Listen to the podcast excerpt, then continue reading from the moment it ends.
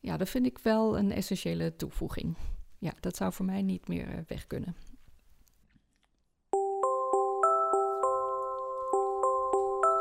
In deze vierde aflevering is mijn gast Suzanne Konings.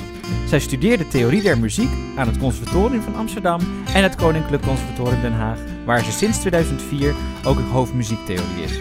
Vanaf 2009 specialiseert ze zich in het lesgeven in de muziek volgens het Kodai-concept. En sinds 2014 is ze ook het hoofd van de Master of Music in Education volgens het Kodai-concept aan het Koninklijk Conservatorium.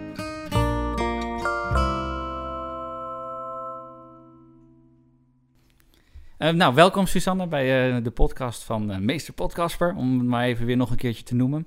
Hey, um, fijn dat je er wil zijn. En ik ben heel erg benieuwd. En dezelfde vraag ga ik stellen, namelijk uh, aan jou, die ik aan iedereen heb gesteld. Namelijk uh, een muzikale jeugdfoto. Hoe is het voor jou begonnen? Hoe, wanneer heb jij het muziekvirus uh, gekregen, om het maar zo te zeggen? Nou, Casper, dankjewel. En leuk dat je me vraagt. En dit is ook best een speciale vraag. Ik heb ook even moeten nadenken. Maar mijn vroegste herinnering gaat wel terug naar toen ik vijf was en op een verjaardag. En daar heb ik een foto van teruggevonden. Dus die zal ik je even laten zien. Ja, kan je omschrijven wat er op de foto staat? Ja. Voor onze luisteraars. Uh, ik zie daar inderdaad een, uh, een foto uit, uh, ja, in een soort sepia-kleurige, zoals toen in de jaren zeventig de foto's eruit kwamen te zien. En ik heb daar een blokfluit en ik herinner me dat ding ook nog wel. Dat was denk ik helemaal, ja, het, het werkte, maar het was...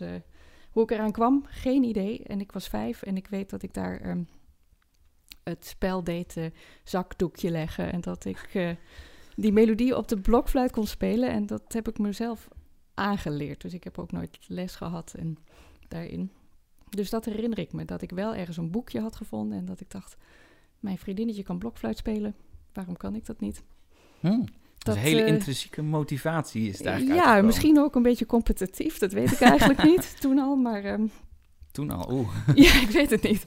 Maar dat, ja, ik vond toch eigenlijk wel dat ik dat dan uh, ook zou moeten kunnen. Dus Oké, okay, en toen uh, opgepakt, dat zelf leren spelen. En toen ja. daarna wel les gehad uh, of les genomen? Heeft nog een tijdje geduurd. nooit blokfluitles gehad, maar wel zelf um, leren noten lezen en, en horen. En, en toen ik negen was, denk ik dat mijn ouders toch wel zagen dat dat iets is wat ik de hele tijd aan het doen was. En toen heb ik pianoles gekregen. Ah, pianoles. Okay. Dus het heeft nog wel een tijdje geduurd daarna. Maar ik vond het grappig dat deze foto blijkbaar nog uh, bestond. bestond. Uit ja. de diepste krochten van de fotoboeken nog ergens op ja. weten te duikelen. Mooi. Ja. Dus eerst blokfluit, toen piano en, en toen een stap gemaakt naar het conservatorium. Heel bewust of ze een beetje erin gerold? Ja, ik denk ook dat het allerlei omwegen heeft gehad. Um, ook uh, basgitaar gespeeld in, in bands en in big bands gespeeld. En van alles gedaan. En ik had altijd al wel het idee dat ik uh, muziekdocent wilde worden. Dus daar heb ik me ook aangemeld voor het uh, conservatorium. Toelating gedaan. En um, ik merkte wel in het eerste jaar dat, dat de kant van de muziektheorie mij erg trok. En dat ik eigenlijk ook nog niet wist waar die docentenopleiding toe leidde. Dat vond ik echt nog soms ook onduidelijk, denk ik. En zo is het denk ik gekomen dat mijn docenten ook zeiden van misschien is muziektheorie iets voor jou.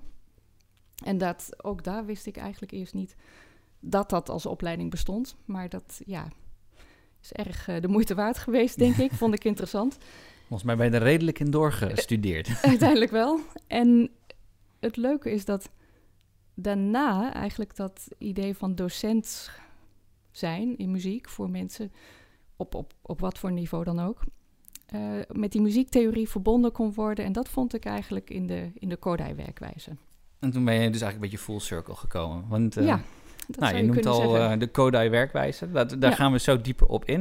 Ik denk dat het misschien eerst handig even is om te bedenken wie is, wie, of eigenlijk wie was Zoltan Kodai? Ja, um, ik denk dat de, ja, de, over de hele wereld vinden we die naam, verbonden met um, manieren om, om muziekonderwijs te geven. Hij was natuurlijk ook componist. Um, en het bijzondere vind ik ook wel dat het ja, blijkbaar wel een naam is ja, waar een concept of ideeën aan uh, zijn gekoppeld, maar die worden wel over de hele wereld op verschillende manieren ingevuld, vind ik. Dus ik kan eigenlijk moeilijk zeggen, dit is Kodai. Dus heel veel, uh, dat kunnen we natuurlijk wel zeggen over zijn composities, over de dingen die hij zelf geschreven heeft. Maar om nou te zeggen, dit is de Kodai werkwijze, ik denk dat dat, uh, daar zie je heel veel verschillende invullingen van. En dat vind ik eigenlijk ook wel het um, prettige eraan. Dat het ruimte laat voor de individuele muzici of muziekculturen of tradities in een bepaald land om dat ook zelf in te vullen. Maar wel met bepaalde centrale ideeën. Ja, ik herken wat je zegt daarin. Uh, wat, uh, hoe ik, om even mijn kort voor over mezelf te zeggen. Ik uh, had ervan gehoord van Kodai in het eerste jaar van mijn muziekdocentopleiding als bachelor. En toen was het totaal niet duidelijk. En het was een van de vele ideeën. Ik denk, oké, het zal wel. Later wat meer ingelezen. En dan was heel erg vaak de vraag, en die merk ik ook bij heel veel andere mensen, is van, maar wat is nou de visie? Wat is nou het concept? En dan merk ik ook dat er, je zegt net werkwijze, ik hoor visie, ik hoor, concept. Van, hoe moeten we het in het eigenlijk duiden? In welke richting is het? Want ook methode is ook een woord wat we vaak horen. Maar is het een methode? Is het een visie? Is het een levensstijl? ja, dat is een hele goede vraag, denk ik. Um, misschien moet ik dan uh, beginnen met wat het voor mij uh, betekent, of misschien ook, ook veranderde. Um, voor mij heeft het toen ik dat de eerste keer zag, wist ik ook niet wat het was. Dat was ook per ongeluk. Ik was ook niet op, bezoek, op zoek naar iets. En het was ook niet, zoals jij zegt, dat ik er al iets van gehoord had. Het was... Maar ik zag iemand werken met uh, jonge leerlingen, viool. En opeens konden die leerlingen door muziek te maken... Um, ja, zich bewust worden van bepaalde muzikale structuren, muzikale processen... Um, en ook vaardigheden daarmee opbouwen die op een manier en met tools die ik tot nu, tot die tijd eigenlijk in de muziektheorie gemist had. Ik had dan vaak het gevoel dat dat ja, via de puur cognitieve weg probeerden we dingen uit te leggen of instructie te geven hoe je iets zou moeten doen door het eerst te begrijpen. En ik zag daar opeens dat het omgekeerd kon. Dat je door muziek maken eigenlijk toegang kreeg tot hoe de muziek zelf functioneert. En dat is misschien voor mij de essentie van wat ik dan Kordij werkwijze noem. Dat je door muziek te maken eigenlijk... Um... precies, als we het dan even kunnen concretiseren van hoe... Voor de, laten we even een voor en na voor jouw ontdekking met ja. Kodai even noemen. Ja. Um, hoe, hoe, gaf je wat, hoe was je methodologie voor Kodai? Hoe, hoe gaf je les in muziektheorie of, uh, of, of solfège of de andere vakken die je gaf? Ja, ik herinner me daar, um, dat is denk ik nu meer dan tien jaar geleden. Ik deed het wel met veel plezier, maar ik merkte bij studenten vaak ook wel frustratie. En dan had ik vaak het gevoel dat ik niet per se erbij zou kunnen komen om het voor hen beter toegankelijk te maken. Bijvoorbeeld bij solfège was vaak, um, nou ja, we proberen het gewoon. Uh, een soort trial and error situatie. En dan ontstaat ook vaak het probleem. Um, iemand kan wel beginnen, bijvoorbeeld als je solfège doet of iets zingen of iets opschrijven. En op een gegeven moment loop je vast.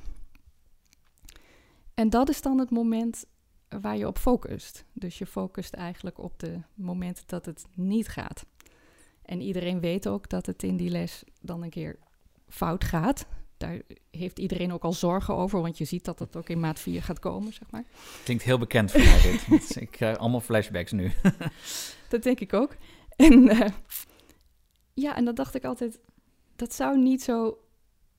Tenminste, dat wist ik niet, maar ik had geen manier om dat te voorkomen. Dus het was altijd een situatie in een les waar de fouten de aanleiding waren om ergens op in te gaan. En dat is nu echt omgekeerd. Ik heb nu het gevoel dat met de tools en de, en de benadering die daardoor veranderd is, dat we dingen zo kunnen voorbereiden dat dat um, frustratiemoment eigenlijk niet hoeft te komen. Precies, dus het zit hem eigenlijk in een meer gedegen voorbereiding en, en de stapjes kleiner maken om tot een bepaald resultaat eigenlijk te komen. Ja, om, om de weg mogelijk te maken. En, Precies. en daar mensen ook eh, ja, de zelfstandigheid en daarmee misschien ook het zelfvertrouwen te geven dat, dat zelfs zoiets als solfège gewoon ontzettend leuk is. ik zie je helemaal glunderen meteen. Zeker. Nee, oké. nou, misschien kunnen we zo meteen wat dieper ingaan op de tools en die Ja. stapjes en zo. Maar om nog even een stuk, eh, dan even een stap terug te doen. Want in welke eh, onderwijsgebied, of waar geef je nu allemaal les? Want je geeft natuurlijk les aan het conservatorium, aan studenten. Dus muziektheorie, nou, hoofd van de Kodai-opleiding. Maar geef je ook nog les aan kinderen van een basisschoolleeftijd? Of misschien pubers ertussenin? Of... Mhm. Nou, ik denk dat jij was natuurlijk eh, vorig jaar nog eh, Ja, precies. Dat hebben we helemaal niet gezegd. Ik, heb, ik ken Suzanne natuurlijk omdat ik bij haar de master van de Ja. Kodai heb gestudeerd. Ja, en dat met veel plezier inderdaad aan de masterstudenten. En omdat ja, de mo- motivatie om het te leren ook heel groot is. Maar ik geef ook inderdaad les aan ehm, zangers van het Nationaal Jeugdkoor. Die vaak heel specifiek repertoire moeten studeren. Ehm, waar we ook, ook technieken moeten vinden om het toegankelijk te maken. Ehm, ik geef daarnaast ook wel les aan de bachelorstudenten. Op dit moment geen eh, bijvoorbeeld school voor jong talent kinderen, maar ook bijvoorbeeld mensen die op, op latere leeftijd denken van nou, ik kan eigenlijk best goed spelen, maar ik wil eigenlijk ook weten hoe muziek Werkt. functioneert. Of muziektheorie, misschien is dat toch interessant. Dus dat doe ik ook. Oké. En de, bij die nationale koren, eh, de- ook de, de specifieke stapjes van de Kodai, zit dat daar heel erg daarin? Of is het dan toch echt meer gefocust op het eh, materiaal, echt instuderen, het, het ouderwetse stampen, om het maar zo te Mm. zeggen? Ja, dat ligt een beetje aan hoeveel druk er op zo'n eh, project staat en, en eh, wanneer de uitvoering. Wat heel fijn is, is dat voor hen dus een van de belangrijke Cordai tools, eh, de solmisatie, heel stabiel is. Dus dat kunnen we echt gebruiken. Ehm, maar het, het repertoire biedt, ook mogelijk om die, mogelijkheden om die vaardigheden juist te verbeteren. En dan heb ik het ook vaak over ritmische dingen, ook een heel belangrijk aspect. Maar wat bij hen heel sterk is, is dat die klankvoorstelling goed, goed is ontwikkeld. En dan hoeven we eigenlijk ons geen zorgen te maken over een bepaald soort repertoire. Maar dat is iets wat je wel in, in nou ja, toch een aantal jaren moet opbouwen. Dat is niet van de een op de andere week gefixt. Nee, precies. Maar dat is natuurlijk wel een lastig, want we horen nu wel hele specifieke doelgroepen waar we dit natuurlijk wordt toegepast. En, Maar ja, als we even moeten uitzoomen en kijken naar Nederland als eh, m- nou ja, muziekonderwijsland in het algemeen. Ja. Van hoe, op hoeveel plekken zit dan dat Kodai-onderwijs of de werkwijze of de visie verwoven? Ja. Want ik merk toch heel vaak dat er heel veel mensen zijn die er of niet van gehoord hebben, of er een heel specifiek beeld bij hebben. En dan het, ik ga het maar gewoon zeggen, het predicaat ouderwets met al- handzingen, eh, alleen, alleen zingen. Waar blijft dan mijn instrumentaal onderwijs? Maar zijn er plekken nu in Nederland waarvan je weet oh, maar daar is het ook geïntegreerd in de normale basisschool? Ja, nou dan moet ik inderdaad misschien eerst even beginnen met een niet helemaal normale bas- basisschool. Dat is de koorschool in Utrecht. Maar dan Ja. heb- zit je inderdaad gelijk weer in, het hoek, in de hoek van de koren. Maar wat ik leuk vind, ik ken bijvoorbeeld ehm, een school in Rotterdam... waar ook een studenten van ons eh les geeft, alum. Alumni, Moet ik, alumnus. moet ik inmiddels zeggen. Ehm, en daar zie je eigenlijk dat het niet aan de kinderen ligt. Zij kunnen dat leren als de docent weet wat hij doet en wat de volgende stap zou kunnen zijn. En, en dat is een zo- normale is het- basisschool. Is het dan zo dat heel veel andere muziekdocenten niet weten wat ze doen? Ja, dat is inderdaad ehm, een goede vraag. Moet ik wel even over nadenken. En daarmee zeg ik niks over de kwaliteit van die docenten als muzikus of als. eh, Didacticus. ja. Maar vaak vind ik dat het. ehm,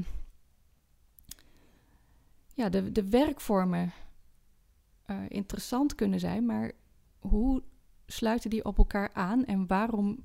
ehm, wel, wat is eigenlijk nodig om in groep 6 iets bepaalds te doen, wat eigenlijk meegroeit met de leeftijd van die kinderen, ook op cognitief niveau, waar dus ook de muzikale verdieping in kan plaatsvinden. Zodat er eigenlijk ook meer dimensies komen, zoals bijvoorbeeld meerstemmig zingen, of misschien ook inderdaad weten, als je een instrument speelt, wat je daarop wilt spelen. Zonder dat iemand anders jou precies vertelt, doe dit, doe dat. We hebben het dus meer eigenlijk over een langere leerlijn en daar echt doel voor ogen hebben dan dat we specifiek kijken naar individuele lessen. Ja. En nu vandaag doe ik dit, vandaag doe ik dat, maar ik doe het zodat ik morgen of over een jaar Ja. het volgende kan doen. Ja, en dat is los van het repertoire dat je kiest. Hè? Dus waar we het nu veel over hebben gehad, is misschien over koren. En dan zou, de- zou je misschien gelijk kunnen denken: oké, dat klassieke Ja. muziek voor een heel beperkte doelgroep. Ja, en daardoor kan kan het wel eens elitair overkomen. Zeker, ja. Alleen, ja, ik denk dat dat niet nodig is, omdat het repertoire kan je zo kiezen als wat jou inspireert als docent. Dus het is eigenlijk niet gebonden aan een bepaald type repertoire. Als je maar weet, wat kan ik ermee doen en wat is er nodig om een volgende stap in die zelfstandigheid bij de leerlingen te bereiken. Misschien is dat het belangrijk, zodat zij echt die muziek zelf maken zonder dat er iemand of ja, iets voor hen hoeft te doen. En dat is bijvoorbeeld in Schotland ook wel dingen gezien. Dat is ander repertoire dan wat je in Nederland ziet, of anders dan in Hongarije. Of... Ja, laten we straks het stapje naar de repertoire even maken. Oké. Het is, eh, ik vind het wel interessant, want vaak merk ik online, de discussie is toch vaak eh, bovenbouw van eh, tot aan met groep 6. Dan loopt dat muziekonderwijs toch wel en dan gaan kinderen puberen en dan al opeens of ze willen niet meer zingen en liedjes worden stom. Ehm, of, eh, of inderdaad, dus de stap naar het meerstemmig zingen kan niet gemaakt worden. Eh, waar, waar zou dat in kunnen zitten? En, waar, en hoe kan dan deze visie daar eventueel een bijdrage aan, aan eh, leveren? Mhm. Ja, ik denk echt dat dat zit net als dat je bij andere vakken op scholen, als we het over onderwijs hebben, echt een soort gestage opbouw ziet. Ehm, ook het leren lezen, het leren schrijven, dat zijn stapsgewijze processen die veel aandacht vragen, maar die op een gegeven moment ook heel motiverend zijn voor de leerlingen als ze merken van ik kan zelf dit boek lezen. Ik kan, dit is wat ik Ja. kan. En daarin zit denk ik de motivatie, zodat het ook niet meer van buitenaf leuk gemaakt hoeft te worden voor groep 8. Waar je misschien nog van alles moet proberen om inderdaad wat je zegt, die pubers eh, überhaupt in beweging te krijgen. Maar omdat zij merken dat ze iets beheersen en kunnen manipuleren, mee om kunnen gaan. ehm, dat is wat ik meestal zie als ik die lessen zie. ehm, waarom er bij die leerlingen een, een, een drive is om het te- willen kunnen. Omdat het voor hen een Ja. bereikbare volgende stap is. Dat is, vind ik een goeie. En dat haakt gelijk op iets in wat, waar ik dan in door wil. Dat is namelijk eigenlijk om, om namelijk wat meer richting te geven binnen de visie van Kodai. eh, haal ik graag vijf punten aan van eh, Laszlo eh Dopsai. De vijf punten. En die zijn vaak niet bij iedereen bekend. En, maar dit zijn toch wel een soort termen waaraan je dat Kodai-onderwijs een beetje kunt kwalificeren of kan, ja, kan duiden in een richting. En dat zijn, nou, het- het- ik vertaal ze even uit mijn hoofd, dus het is misschien niet de beste vertaling. De eerste, music should be eh, taught in school. Nou ja, en dan hebben, dat is eigenlijk het punt waar we het net over hebben. Ja. De lange lijn, echt vanaf jongs af aan tot oud, echt dat het doorlopend in school aanwezig is. Eh, het, het is voornamelijk vocaal onderwijs. Mhm.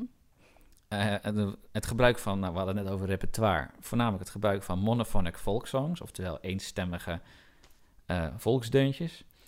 Het muziek lezen en schrijven samen met het audiëren of het, de inner hearing, dus het horen van in je hoofd. En daarna de vijfde, en die kent eigenlijk iedereen als het Kodai-ding, namelijk de relatieve, het gebruik van de relatieve solfège, het handzingen en eh do, re, mi, fa, so, Oké. om het even zo te zeggen. Mhm. En laten we, als we dan hebben over de reguliere basisschool, nou, music in schools, ik denk dat dat vrij met elkaar wel te rijmen valt.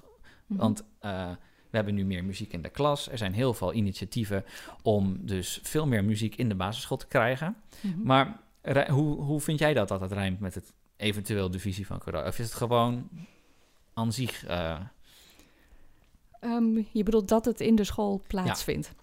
is dat de voorwaarde of moet er eigenlijk nog een stap verder gedacht worden? Hm.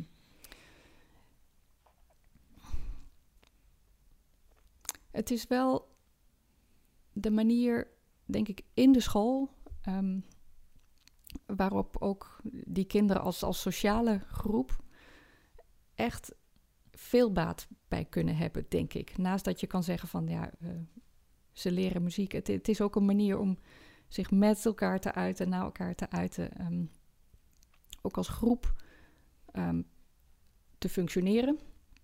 En dat is wat voor muziek, dus misschien los van of dat nou Kodai of niet is, ja, zo'n verrijking kan zijn. Niet omdat je daar later muzikus voor wordt, maar je hebt geleerd, je hebt een extra manier geleerd om je tot andere mensen te verhouden en te kunnen uiten. Zonder dat je misschien direct in iemands gezicht hoeft te zeggen wat je voelt of wat je van iemand vindt. Maar je hebt wel een manier om. Uh, Muzikale nuance aan te brengen. Ja, in, uh... en te communiceren. En ook te voelen dat je deel uitmaakt. Uh... Ja. Hoe belangrijk is het dat het vanaf echt groep 1 begint? In, in plaats van bijvoorbeeld dat je met een groep 5 gaat beginnen? Ja, ik, ik, dat, dat zien we ook veel op de scholen, dat het wel verschil maakt in hoeverre het al gewoon is om te bewegen of om samen te zingen of iets in een groep te doen waarvan je ja, misschien niet altijd weet of je de, de beste bent of dat, dat, dat gaat het eigenlijk niet om. En als je in groep 1 begint, heb je denk ik al die tijd om ook die motorische kant mee te nemen. Uh, om eigenlijk als het ware een soort reservoir op te bouwen van gekend uh, muzikaal materiaal. Dat zo breed kan zijn als dat je zelf kiest. En met, met allerlei elementen afhankelijk van uh, in welke omgeving dat je werkt, wat relevant is voor die kinderen, wat eigenlijk betekenis heeft, zonder dat je daar nog iets voor, van terug hoeft te vragen. In de zin van dat je het als um, uh, leerproces ziet waar uitkomsten zichtbaar moeten zijn. En dat vind ik eigenlijk wel mooi aan die kleuterleeftijd. Dat dat echt investeren is zonder dat het al opbrengst hoeft te vragen. En ik hoop, want ik weet niet of dat op alle punten in het onderwijs nog zo is, dat die ruimte er uh, blijft. En zo zie ik eigenlijk dat muziekonderwijs eigenlijk ook tot en met groep 8 als een investering en niet als een weg naar resultaat. Nee, precies. Nou, dan komen we inderdaad in de discussie van hoe ga je muziek beoordelen op de basisschool. Maar ja, ja, wil ik nu niet verder op ingaan. Maar wat ik wel zeg, je vult dus een, een kind met met, nou, met, met, met heel veel input, dus muzikale input. En die keuze maak je zelf. Terwijl hier natuurlijk heel erg bewust staat. Ik sla even een puntje over. Maar ik ga naar het puntje van de, van de uh, volkssongs toe. Ja, dat zien we eigenlijk in Nederland helemaal niet. En je zegt zelf al, en dat is dan wel gek, want eigenlijk spreek je dus nu die vijf punten tegen. Van ja, je moet zelf weten. Dus is, hoe, hoeveel belangrijker is zeg maar wat Kodai zegt tegenoverstaande van je eigen muzikale identiteit? Denk dat die eigen muzikale identiteit uh, belangrijk is en dat je daar ook een rol hebt om uh, te kijken in, in welke wat uh, muzikale identiteit. Dat klinkt misschien gek als je het over een kind van vier hebt, maar dat vind ik dat je dat eigenlijk al ziet. Ook als je bij jongere kinderen. Je, je ziet eigenlijk al hoe ze zich uiten. En ik denk alleen maar als. Um, ook als je kiest voor het repertoire, alleen maar het repertoire waarmee je ja, jezelf goed kan verbinden. En ook daar open in staat in wat misschien ouders meenemen of wat. Als je daar wel um, ruimte voor maakt.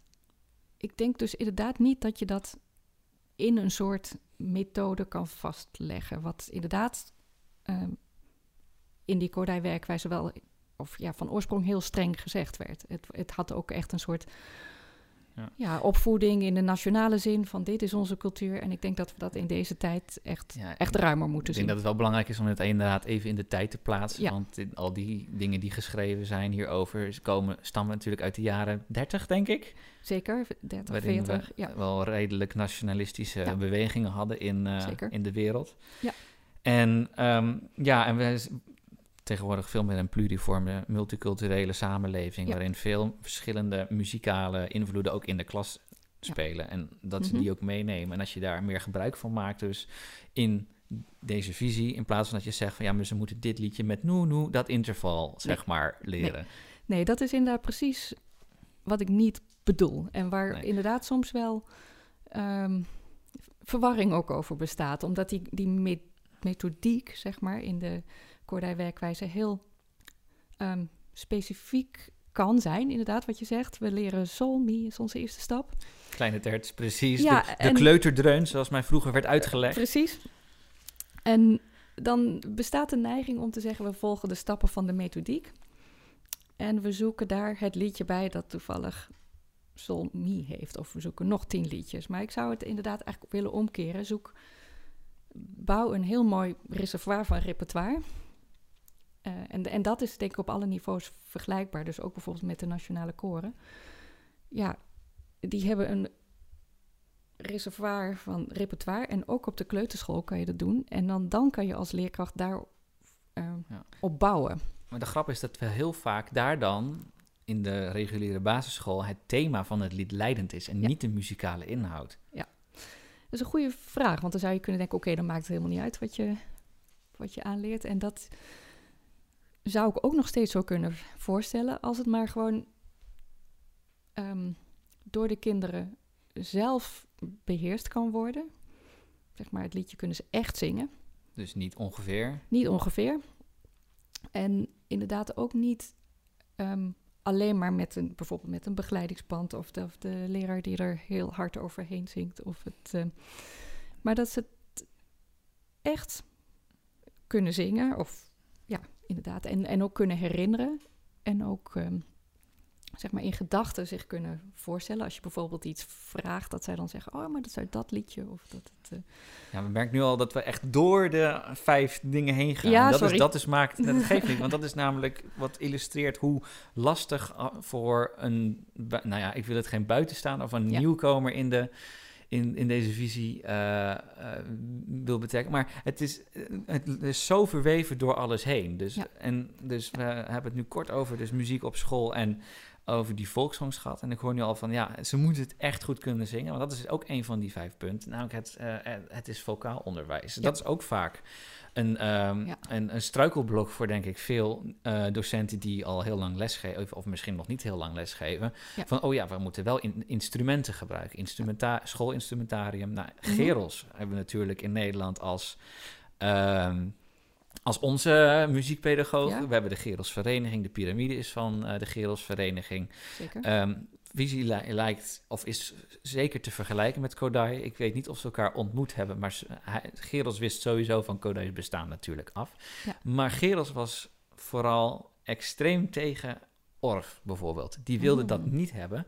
En die was ook heel streng. Oké, we andere tijd.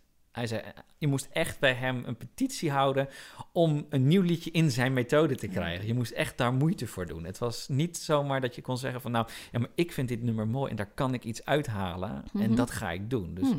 hoe...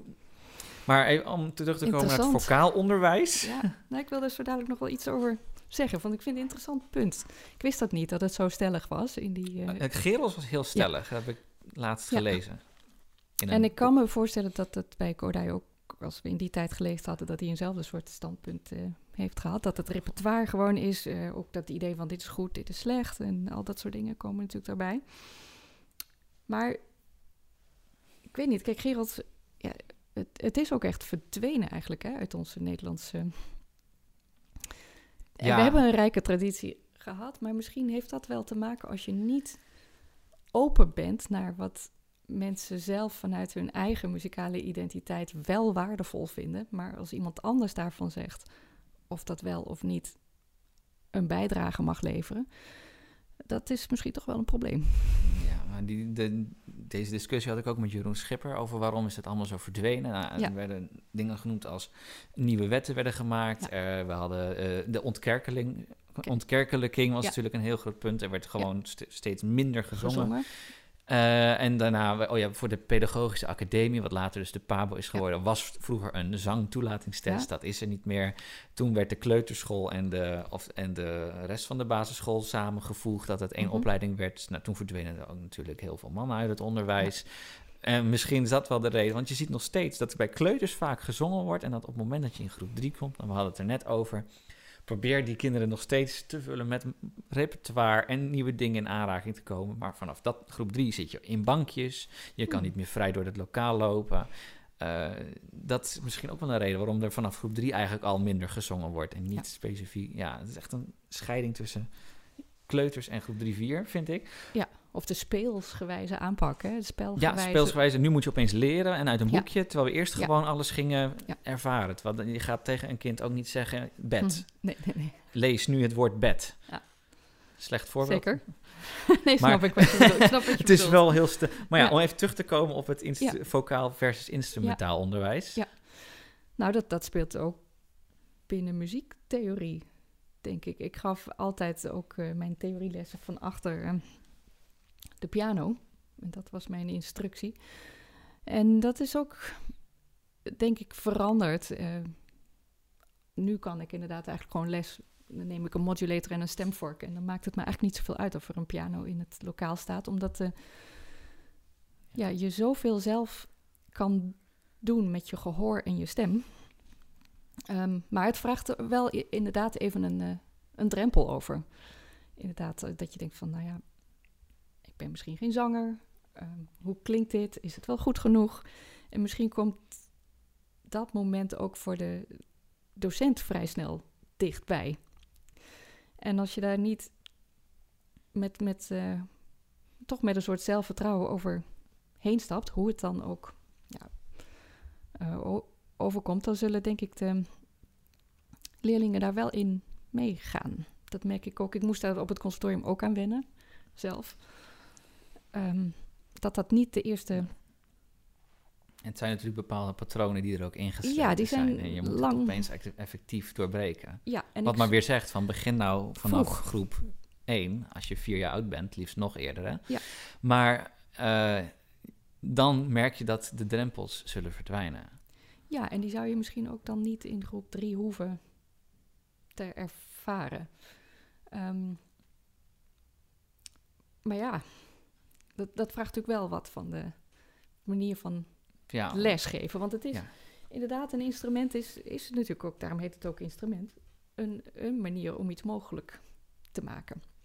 Waar je iets tussen jezelf kan plaatsen. En, eh, ja, een extra ding. Maar het kan ook heel Ja, verrijkend zijn. Op het zeker. moment dat je juist met de kinderen gaat zingen terwijl Ja. je gitaar of piano speelt. Ja. Dat je ook voor hun de ervaring van een harmonische achtergrond kan laten ervaren. Want dat is dan voor hun natuurlijk ook weer nieuw. En dan zijn zij nog steeds aan het zingen.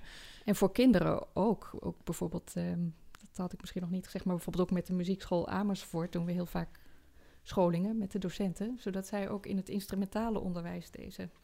En hoe, maak je dan die connectie als zij, dus Kodai in het echt het instrumentaal onderwijs?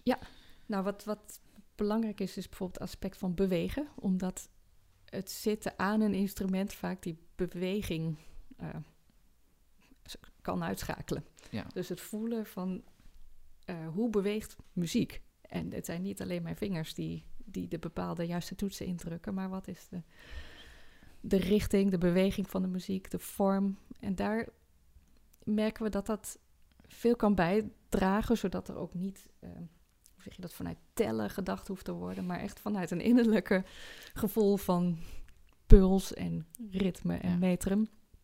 En dat is ja, toch voor heel veel instrumenten wel nodig. Ja, en het is toch heel mechanisch. Van, Ja. ja. ja, je moet je handen zo houden, dan klinkt Ja. er een C. Ja. En dat noemen we C. Hier Ja. hebben we een noot op papier. Precies. Het wordt eigenlijk een visuele instructie. Nou, dat is misschien vooral in klassieke muziek een, eh, een element. Het wordt een soort ja, actienotatie. Je ziet iets en daaraan leer je wat je moet doen. En de klank is het gevolg, terwijl je het eigenlijk natuurlijk liever andersom wilt. Je hebt iets in je hoofd en dat wil je kunnen spelen. En dat komt er dan uit als middel en dan Ja. heb je het ervaren. En dan ja, is een instrument een fantastisch eh, middel om, om meer klank te kunnen maken. Precies. Nu we het dan toch over muziek lezen hebben, want het, eh, het puntje muziek lezen en schrijven, samen dus met de, de inner hearing, dat is eigenlijk het vierde punt. Ja. Want eh, om dan even een specifieke vraag aan te halen, en dat is een vraag vanuit voor de, bij de koorschool. Oké. Was, was de vraag: het benoemen van notennamen A, B, C, D, E, F, G wordt niet gedaan. En ik weet bijvoorbeeld dat de ouders van de koorschool in Utrecht dit heel jammer vinden. Hm. Zeker vanuit het perspectief van het instrumentale onderwijs wordt dit als tekortkoming ervaren. Waarom wordt die omslag niet gemaakt? Mhm. Nou, goede vraag. Ik wist eerlijk gezegd niet dat het zo stellig niet gedaan wordt. Want ik vind inderdaad eigenlijk dat je op een gegeven moment in beide werelden moet kunnen bewegen. Eh, en waarbij die relatieve notennamen ja, vooral functies ten opzichte van eh, klanken ten opzichte van elkaar aanduiden, maar op een instrument hebben tonen gewoon ook absolute namen. En ik denk die dingen zijn eh, te combineren. Je moet het wel op een slimme manier doen, passend bij. ook als je als je vocaal werkt, is het te doen. Ik kan me voorstellen dat zo'n keuze wordt gemaakt uit tijdgebrek, maar dat weet ik eigenlijk eerlijk gezegd niet. Dat men denkt van nou, als we nou in ieder geval die solmisatie goed krijgen, dat is voor het zingen ja, prima, functioneel. Is, zou, je zou kunnen zeggen, meer hebben we niet nodig. Hm, ja. Er zijn ook hele tradities natuurlijk in de 19e eeuw met John Kerwin, waar ook alleen nog maar solfa wordt genoteerd. En dat hele notenschrift. Ja, we gaan nu al een beetje naar het vijfde puntje. Oké, relatieve sorry, ik sol. ga Nee, te geeft snel. niks. Maar ja, ik, Want er werd ik- ook op gereageerd, namelijk dat, dus dat iemand zei: oh, nee, het wordt juist wel gedaan. Met absolute notennamen. Ja. Dus, maar dat is ja, dan- ik kan me ook voorstellen, zeker op zo'n school waar je wel tijd hebt, dat je die koppeling wel kan maken. Ehm, het is natuurlijk wel echt een lastig punt, want je leert twee systemen die iets anders doen. ja, en want, voor jonge kinderen is dat, kan het wel echt verwarrend zijn. Ja, want de koorschool begint natuurlijk ook pas vanaf eh, groep 4 of Eh, 5. groep 5, ja, Vijf. soms groep 4. Ja, instroom groep 4. Precies, en dat is dan wel weer lastig. Dat eigenlijk wil je namelijk beginnen vanaf een kleuterschool. Dat is eh, denk ik een lastige eh, situatie, want die kinderen moeten ook nog van school switchen op een leeftijd dat ze vriendjes hebben en dat het. eh, dat ja, en dan moeilijk. opeens in de, worden ze in de wereld gestort met, eh, nou ja, relatieve solmisatie. Ja. Dus als we daar gelijk even Ja. ook een eh, relatieve solmisatie, je noemt al de naam John Kerwin, dat is... Ja. Want waar, wat, is, wat is relatieve solmisatie? Het, het is natuurlijk echt veel ouder, hè? Ehm, met Guido van Arezzo. Ja. Die het duizend jaar geleden heeft. eh. En eh, het is een manier om klanken ehm, namen te geven. Waarbij je altijd weet, als deze mi heet, dan klinkt sol zo. Dus er ligt eigenlijk altijd vast wat de relatie is tussen de toonhoogte van de klanken. En dat wil niet zeggen dat je altijd precies weet hoe hoog of hoe laag een toon is. Maar je weet wel hoe ze ten opzichte van elkaar zullen klinken als je de Ja. namen weet. Precies, dus waar in Spanje ze do is altijd een C, dus de absolute notennaam, deze toets op de piano is C, Mhm. en die noemen we dan do. Is het in relatief, juist maakt het niet uit waar de do zit. Eigenlijk kunnen we zeggen van in een major toonsoort, in D groot is de D do, en in G groot is de G do. En Ja. daardoor weten we altijd hoe we een interval dus ergens op of onder kunnen zingen. Precies. En John Curran, de naam, die, Ja. die heeft daar dan weer eh, iets extra's mee gedaan. Nou, het is eigenlijk een heel grote beweging geweest. Ook ontstaan in het onderwijs in de 19e eeuw in Engeland. En ja, werd, werd ook gebruikt om inderdaad kinderen natuurlijk op school muziekles te kunnen geven. Hij was zelf niet opgeleid als muzikus, maar als onderwijzer. Ehm, en hij ontdekte eigenlijk dat door dat heel goed te trainen, die relatieve notennamen, en bijvoorbeeld ook vanuit repertoire, heel veel liederen, daaraan die relatieve namen te koppelen, er in, in het voorstellingsvermogen dus een verbinding wordt gemaakt, dat op een gegeven moment als je de naam noemt, dat je weet welke klank je moet zingen. Dus het gaf een enorme versnelling gewoon in het eh, studeerproces ook. Om het, eh, ja, muziek zo te kunnen noteren zonder dat er eerst een tussenstap van een instrument of van een notenbalknotatie voor nodig Ja. was. Of absolute notennamen. Het gaf een snellere connectie tussen het muzikale voorstellingsvermogen en, En de productie. en een productie. Ja. Ja. En daarnaast ook nog natuurlijk de handgebaren die Ja. erbij kwamen. Dus we Ja. weten dat een. Ja, ik kan het. eh, Als je kijkt, kan je het zien. Maar Mhm. eh, do, re, mi. Dus je hebt dan handgebaren. Ja, ik, ik ga het niet. Je moet maar een keer eh, even googlen. Er zijn Precies. genoeg filmpjes op die dat laten zien. En eh, ja, die, dus die gaven ook nog eens een keer een, een extra domein eraan, namelijk het domein bewegen en aan ook nog eens een keer aan toonhoogte, want de handgebaren gaan ook nog eens een keer hoger en lager als je Ja. Deze laat zien. Dus die waren, eh, het was een extra middel om nog eens een keer de muziek ook nog visu- visueel te maken. Ja, en ook om als eh, leerling het zelf te kunnen visualiseren wat je doet. Dus een connectie tussen een beweging en een klank en tussen een naam en een klank. Dus eigenlijk drie. Ja, dus cognitief Ingangen. gezien gaat het extra, extra Ja. ver.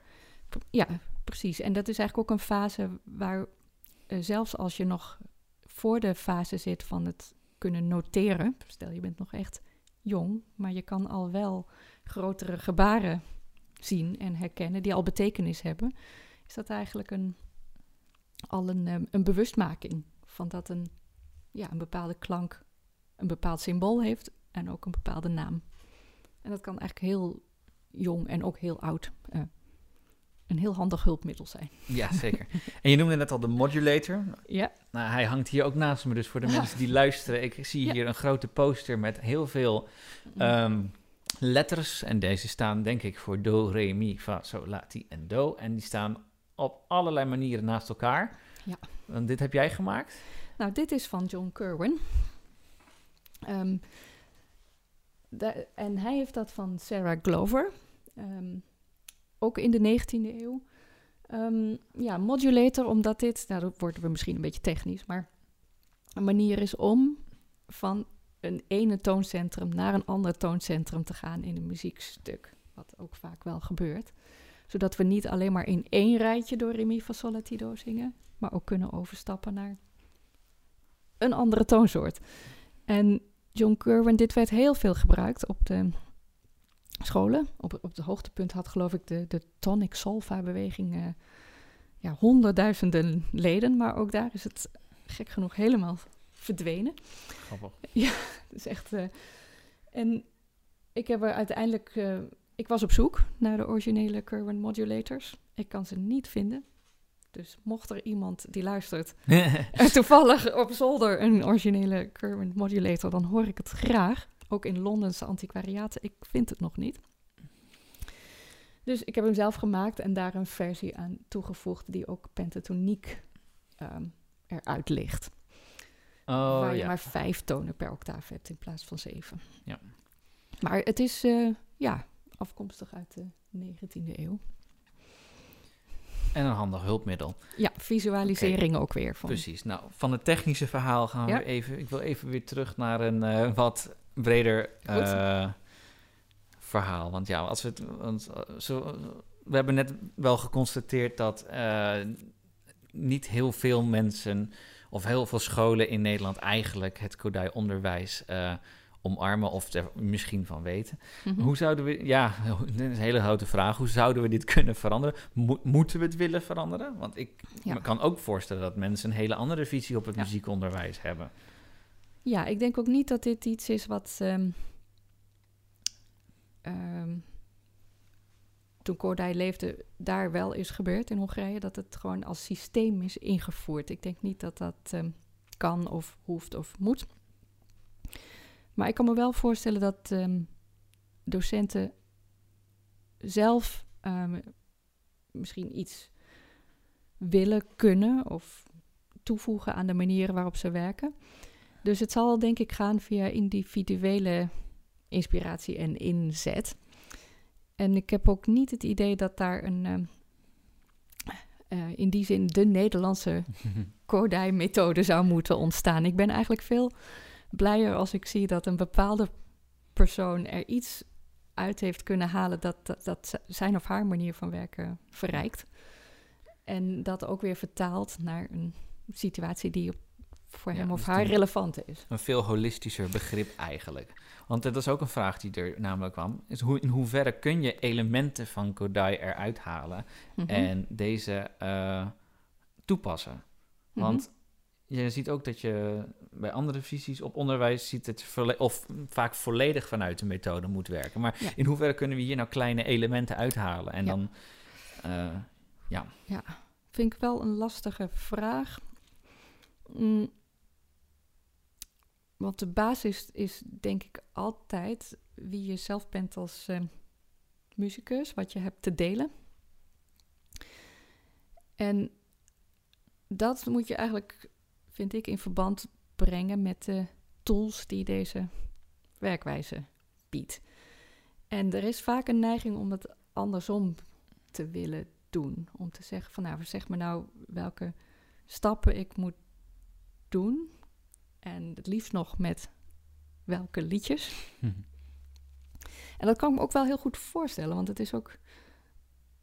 Niet iedereen voelt zich heel vertrouwd om uh, zeg maar te denken van nou, ik heb muzikaal iets te bieden wat ik zomaar kan delen met mijn eh, leerlingen.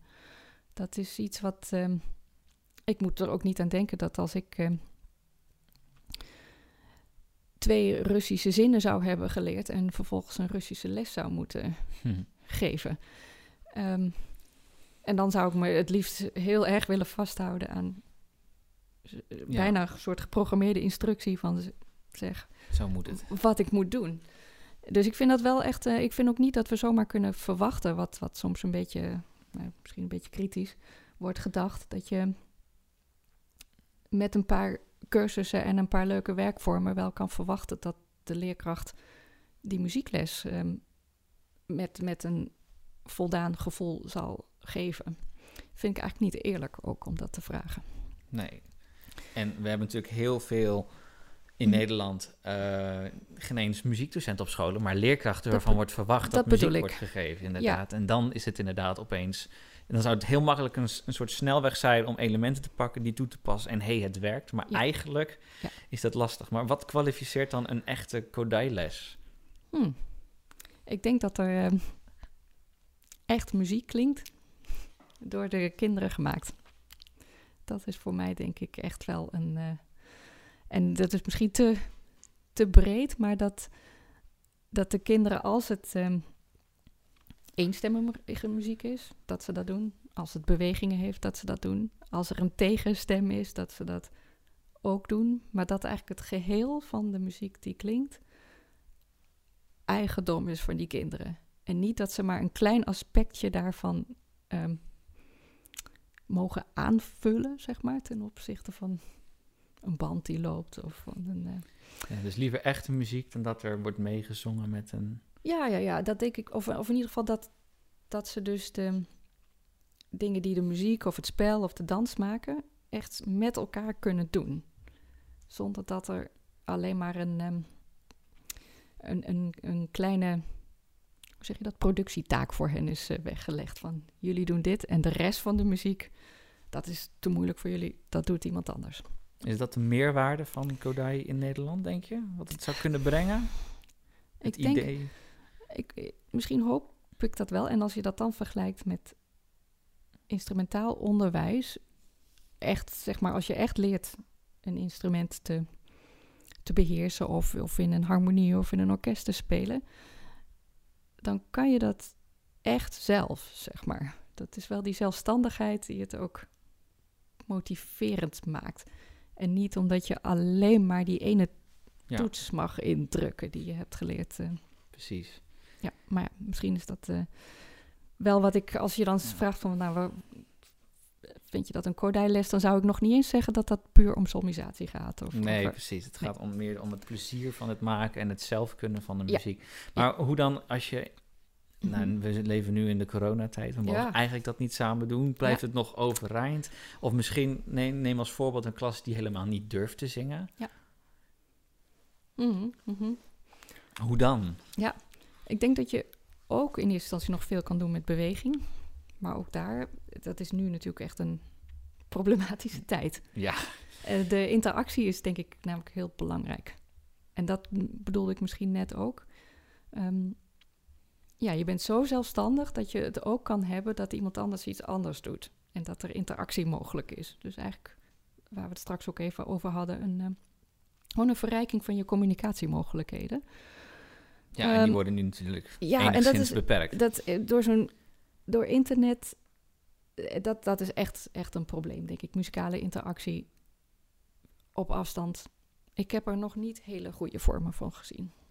Helaas. Helaas. En dan zeker met 30 kinderen. Ik, eh, wel dat je natuurlijk iets kan doen waarop leerlingen kunnen antwoorden. Maar echt de directe communicatie, dat is natuurlijk echt lastig. Zal Kodai een meer een grotere plek moeten krijgen op de docent muziekopleidingen? Hmm. Ook daar denk ik dat het. eh, dat ik niet kan zeggen dat het moet. Ehm, maar ik, ik vind het wel. ehm, ook alle cursussen, zeg maar, die we aanbieden. En. eh, ja, ik denk we kunnen mensen alleen maar uitnodigen om er kennis of ervaring mee op te doen. En ik kan me ook heel goed voorstellen dat iemand zegt van, nou, dit is niet mijn weg. Maar de, ja, ik denk dat dat het uitnodigen van mensen om het te ervaren, eh, dat is eigenlijk het enige wat we kunnen doen. En dat op een zo uh, ja, is, maakt het open mogelijk. Ook zo, omdat het natuurlijk bij een opleiding moet je natuurlijk ja. heel erg ook leren het leren lesgeven leren. Dus je zit ook heel erg in de onderwijskundige kant. En dit is misschien wel heel erg gefocust op juist het muzikale aspect ervan. Dat kan misschien qua tijd niet altijd passen. Ja. Terwijl het wel eventueel dus een verrijking kan zijn. Maar als we dan dat uh, docent muziek uh, eruit halen en we gaan kijken puur naar de muziektheorie, zou, zou dan zou dan de muziektheorie altijd via de Kodai-werkwijze gedaan moeten worden? Ja, nou, misschien moet ik daar gewoon uh, ja op zeggen. Want dat is natuurlijk meer mijn vakgebied. wat niet wil zeggen dat er ook... Ja, dat je muziektheorie op heel, ook heel veel verschillende manieren kan bedrijven. Ook daar, afhankelijk van genres, stijlen, tijden, zal die muziek andere dingen vragen. En ook wat je wilt doen, analyse, solfège. Maar dat idee dat het ehm, verbonden wordt met vaardigheden en actief muziek ervaren en van daaruit ook begrijpen. Ja, dat vind ik wel een essentiële toevoeging. Ja, dat zou voor mij niet meer eh, weg kunnen. En hoe, zijn, hoe zijn jouw vaardigheden ontwikkeld sinds het werken op deze manier? Ja, ja jeetje. Um, ja, want je zou natuurlijk kunnen denken... Daarvoor kon ik misschien ook wel iets. Nee. Weet het niet. Maar... Um... Zegt het hoofd van de afdeling muziektheorie. ja, precies. Um, nou, misschien is dat hetzelfde. Omdat ik nu weet welke tools ik kan inzetten... Um, zal ik niet meer zo snel denken dat ik bepaald repertoire maar even niet zal kiezen omdat dat nog niet aan de orde is of te moeilijk zou zijn. Of, um... Omdat er nu een andere weg is naar het doel ja. in plaats van we proberen het gewoon. ja. Heel kort door de bocht gezegd. Ja, we hebben nu eigenlijk ingangen om het mogelijk te maken. Meer dan te zeggen van nou het is te moeilijk, we kunnen het nog niet. Of, of we, dit is te moeilijk om uit te leggen. Dus dat, dat hoeven we minder te doen, heb ik het gevoel. Is dat de grootste verandering die je bij jezelf hebt gemerkt? Ja, ja de... maakt mij dus niet zoveel uit. Zoals, wat was het, twee jaar geleden alweer, denk ik. Um, Stockhausen, Auslicht werd uh, uitgevoerd. Nou ja, dat moest toegankelijk gemaakt worden, zodat de, de zangers het konden zingen. En dan denk ik, ja... Gaan we doen. Vind ik wel fijn eigenlijk.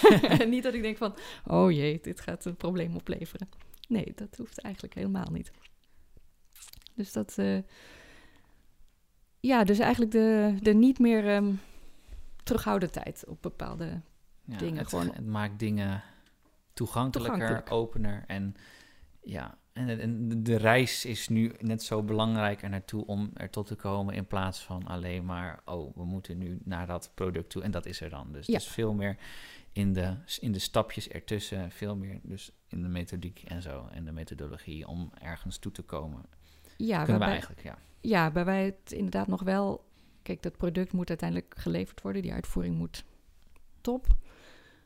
Maar inderdaad, het, um, het is geen uh, afschrikwekkend, of hoe zeg je dat, uh, iets waarvan je denkt, nou, het is, het is te moeilijk. Dat, dat hoeft in principe niet. En dan wil ik niet zeggen dat je daar dat iedereen, of hoe zeg je dat, dat je met elke, dat je met die stokhousen moet beginnen. Maar alleen aan de andere kant, waarom ook niet? Ook daar zitten elementen. Er kunnen mensen ook dingen in beleven. En in, uh, dus nou, mooie conclusie. We gaan vanaf nu in groep 1 allemaal beginnen met Auslicht van Ik weet het niet, ik weet het nee, niet. is lastig. ik merk, we raken er niet over uitgepraat. Het zijn, het is, het is, eh, ik hoop dat voor de mensen die luisteren dat het enigszins nu geduid is in een bepaalde richting. En het is niet te te vatten met één of twee zinnen. Van dit is het en dit is een. Het is geen methode, het is geen visie, het is geen. Dit, het is een werk. Ja, een, wat ik al eerder zei, een soort holistischer begrip van het. Uh, stapsgewijs komen tot nieuwe, ja, muziek in het muziekonderwijs. Ja, ik vind het zelfs nog steeds lastig om ja. er echt een, um, ja, ik probeer het nu te vatten in twee zinnen. Ik merk gewoon, het lukt me niet. Terwijl het, Nee, het is meer, ja, allesomvattend. ik kan nog een poging doen, maar ik denk dat... En dat is ook een zin die natuurlijk heel veel wordt gebruikt... dat in, in principe iedereen een muzikaal is in de basis... en ook zijn eigen muzikaliteit ergens heeft. En als je daar met deze tools een verbinding mee kan maken... dan kan je dat denk ik op, op elk niveau eh, toepassen. En dus eigenlijk ook, ook voor de docent dat vertrouwen geven. Dat je middelen in handen hebt om die muzikaliteit die je wel hebt... ehm, ook te kunnen communiceren en, en delen met anderen. Ja. Om hem letterlijk dan even als afsluiting dan te quoten. The way to learn music is open to everybody. Musical reading and writing, in possession of these, anybody can partake of great musical experience. When taking part in choral singing, we can live together with the creations of great minds. We can take them with us as everlasting life companions. Mooi. Dankjewel voor dit gesprek. Jij ook, dankjewel. Wil je nou meer weten over het toepassen van het Kodai-concept in jouw onderwijs? Of ben je geïnteresseerd in het volgen van workshops op dit gebied? Ga dan naar www.muziekalsvak.nl. Dankjewel voor het luisteren en tot de volgende keer.